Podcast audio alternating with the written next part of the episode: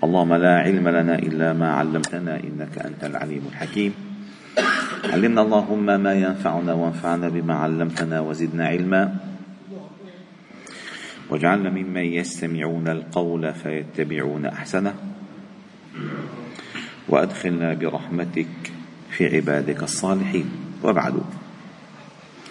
فلا نزال معكم أيها الأحباب الكرام في مجالس القرآن ضمن دروس القرآن الفجري وقد وصلنا إلى قوله تعالى في سورة النساء ومن يهاجر في سبيل الله يجد في الأرض مراغما كثيرا وسعة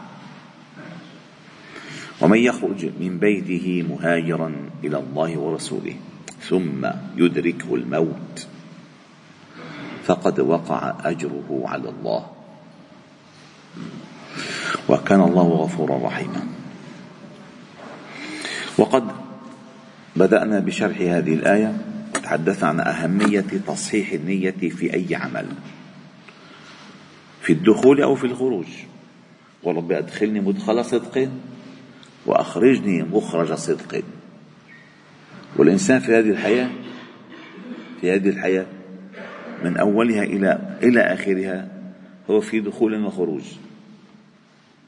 في دخول وخروج. فهو عندما ولد أو عندما ولد هو الذي أخرجكم. الله الذي أخرجكم من بطون أمهاتكم فإخراج.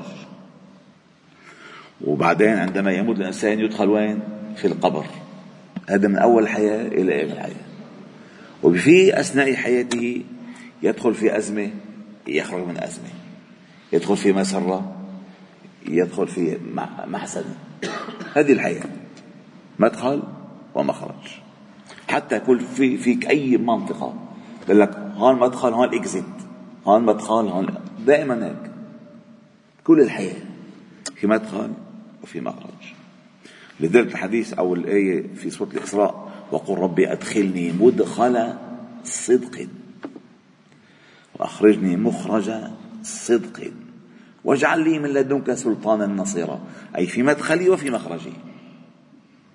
في مدخلي الذي أدخل فيه وأدخل إليه وفي مخرجي الذي أخرج منه.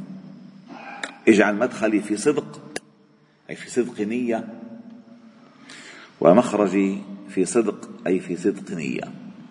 فإذا كان الإنسان في مدخله وفي مخرجه في صدق نية جعل الله تعالى له من لدنه سلطانا نصيرا. فهذه الآية تدل على أعلى مقامات الخروج. وهي الخروج من الأرض والأهل والمال والديار في سبيل الله. طيب خرجت.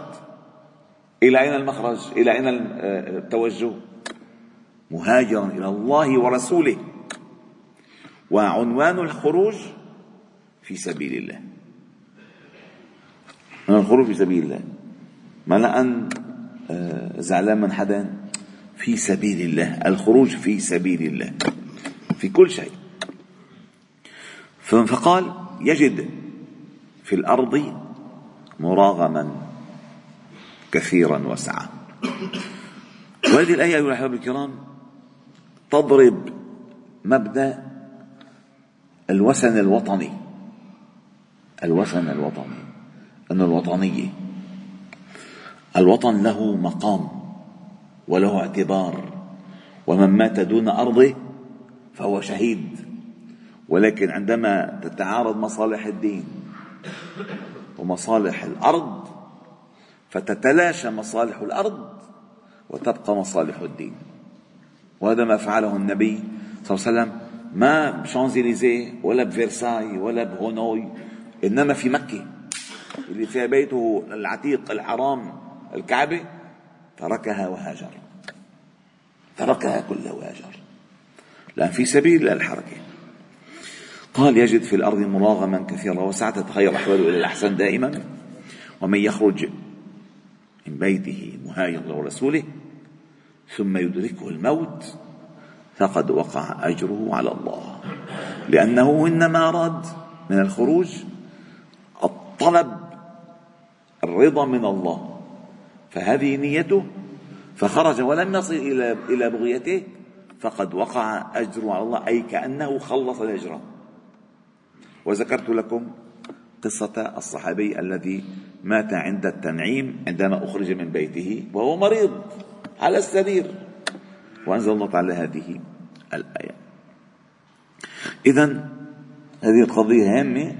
ينبغي أن نفهم أمرا آخر أن حركة الإنسان في هذه الأرض الأصل فيها الدين. يعني الدين الدين يحدد لك الحركة. ما أنت تحدد لك الحركة؟ والله مثلا طالع حابين نطلع على كندا. ماشي. حابين نطلع على أمريكا شيء حلو. حابين نطلع على البرازيل شيء طيب طيب. آآ آه، آآ آه، وصلت. وسمعت أن الوصول إلى هذه البلاد فيها خطر على أولادك.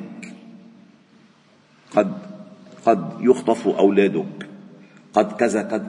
إذا بتعمل مقارنة ما بين المصلحة والمفسدة فتصبح أو يصبح الخروج إلى هذا البلد والبقاء في العذاب أفضل البقاء في العذاب من الخروج إلى هذا البلد. لأن تخسر كل شيء كل شيء. إذا الحركة ينبغي أن تكون واضحة المعالم والله تعالى من رأفته بعباده ومن رحمته بخلقه حد لهم معالم الحركة في الأرض. كل حركة في الأرض تجد لها في كتاب الله تعالى معلما. لا يمكن أبدا أبدا. لأن الله تعالى يهدي القرآن يهدي التي أقوم طيب ثم قال فقد وقع أجر الله وكان الله غفورا رحيما. وينبغي أن نفهم عن موضوع الهجرة أيها الأحباب الكرام أن الهجرة أن الهجرة من الأرض أول ما فعلها الذين ذهبوا إلى الحبشة. وذهابهم إلى الحبشة في أرض ليست مؤمنة. فهموا المسألة كثير مهمة دقيقة جدا. إن هن ما خرجوا من دار كفر إلى دار إسلام يعني ما حيث ما ذهبوا إلى دار الهجرة في الحبشة لم تكن دار إسلام إنما كانت دار النصارى. دار أصحمة اسمه أصحمة الملقب بالحبشي. ولكن ما الذي سوغ لهم؟ الخروج إلى هنالك والبقاء بين الكفار. العدل. النجاشي. لا الكفار يعني سماء أسلم. الكفار قاعدين بين الكفار ما كان عندهم مسجد ما كان عندهم معالم دين قاعدين لحالهم في مخيمات اللاجئين كانوا. كانوا منطقة منهم, منهم كانوا معزولين على فكرة. كانوا منطقة معزولة. فالمهم ما الذي سوغ لهم؟ الذهاب والبقاء. قال لهم سلم اذهبوا إلى أرض الحبشة فإن فيها ملكا لا يظلم عنده أحد. إذا ذهبوا إلى إلى الأمن من الظلم. إلى الأمن من الظلم. هذه كانت أول مصوغات الهجرة عندما وصل وصل إلى المدينة واستقر أمره أرسل خلفهم فوجب عليهم الهجرة من الحبشة إلى أرض الإسلام إلى دار الإيمان. لا يمكن أن يبقى أحد منهم هنالك أبدا. ممنوع. خلصت. لأن صار في دار إيمان. هناك دار عدل. هناك دار إيمان والإيمان فيها عدل حتما. هذه شغلة كثير دقيقة لازم أن نفهمها. وكثير من الناس لا يعرفون كم بقي أهل الحبشة أو المهاجرون الأوائل في الحبشة. كم سنة؟ من يعلم؟ 11 سنة. 11 سنة دلوا. قاعدين هونيك. وما معهم من القراء إلا القليل. وتصلهم أحيانا من ممن يلحق بهم ما نزل آنفا. 11 سنة دلوا. ما وصل آخر الواصلين إلا في فتح خيبر. راحوا هن بسنة ستة للهجرة سبعة للهجرة والحبش الخيبر بستة لسبعة للهجرة. ستة للهجرة. 11 سنة دلوا. فعندما وصل جعفر بن أبي طالب وكان أميرهم في الحبشة. وفتحت خيبر يومها فقالوا لا ندري صلى الله عليه وسلم أفرح بفتح خيبر أم بقدوم جعفر. هو ابن ابنه هو ابن عمه. وصل راح على مؤتة استشهد في سبيل الله. فهذه قضية كثير دقيقة كمان مشان نعرف حركة الأرض. ثم بعد ذلك أيها الأحباب الكرام ينبغي أن نعلم أن الهجرة في الأصل انقطعت.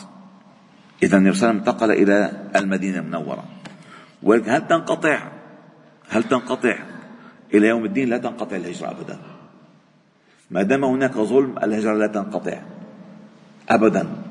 لأن ورد في حديث أنه لا تنقطع الهجرة ما دام هناك ظلم في الأرض. بمعنى بمعنى الحديث.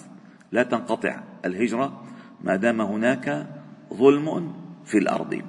ثم بعد ذلك قال الإمام مالك كل أرض يسب فيها السلف ويعمل فيها بالمعاصي فإنها تترك لأن الهجرة الترك لأن الهجرة الترك.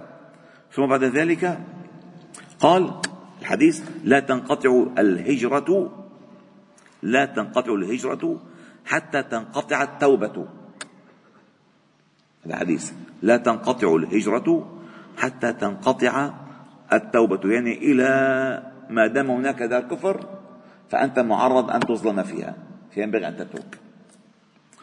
ثم بعد ذلك قال الله جل جلاله فقد وقع أجر على الله وكان الله غفورا رحيما. طيب الخروج له أحكام. عشان تعرفوا تناسق الآيات. قال الله تعالى وإذا ضربتم في الأرض فليس عليكم جناح أن تقصروا من الصلاة. إن خفتم أن يفتنكم الذين كفروا. إن الكافرين كانوا لكم عدوا مبينا. خرجت. حضرت الصلاة. كيف تصلي؟ تأتي أحكام صلاة الخوف مع صلاة السفر. فإن القصر لا ليست علة القصر فقط. الخوف بل علة القصر السفر والخوف. وإن أمنت في سفرك فلك أن تقصر الصلاة. فليس علة القصر في الصلاة أو في الصلاة فقط. الخوف إنما مجرد السفر.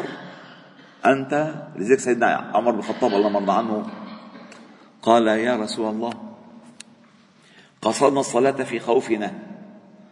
أما قد أما قد أمنا؟ أما قد أمنا؟ فلماذا نقصر؟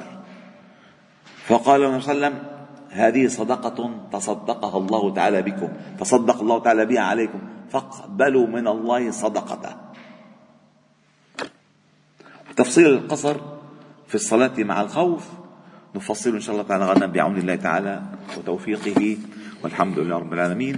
سبحانك وبحمدك أشهد أن لا إله إلا أنت. نستغفر ونتوب إليك. وصلي وسلم وبارك على محمد وعلى آله وأصحابه أجمعين. الحمد لله رب العالمين.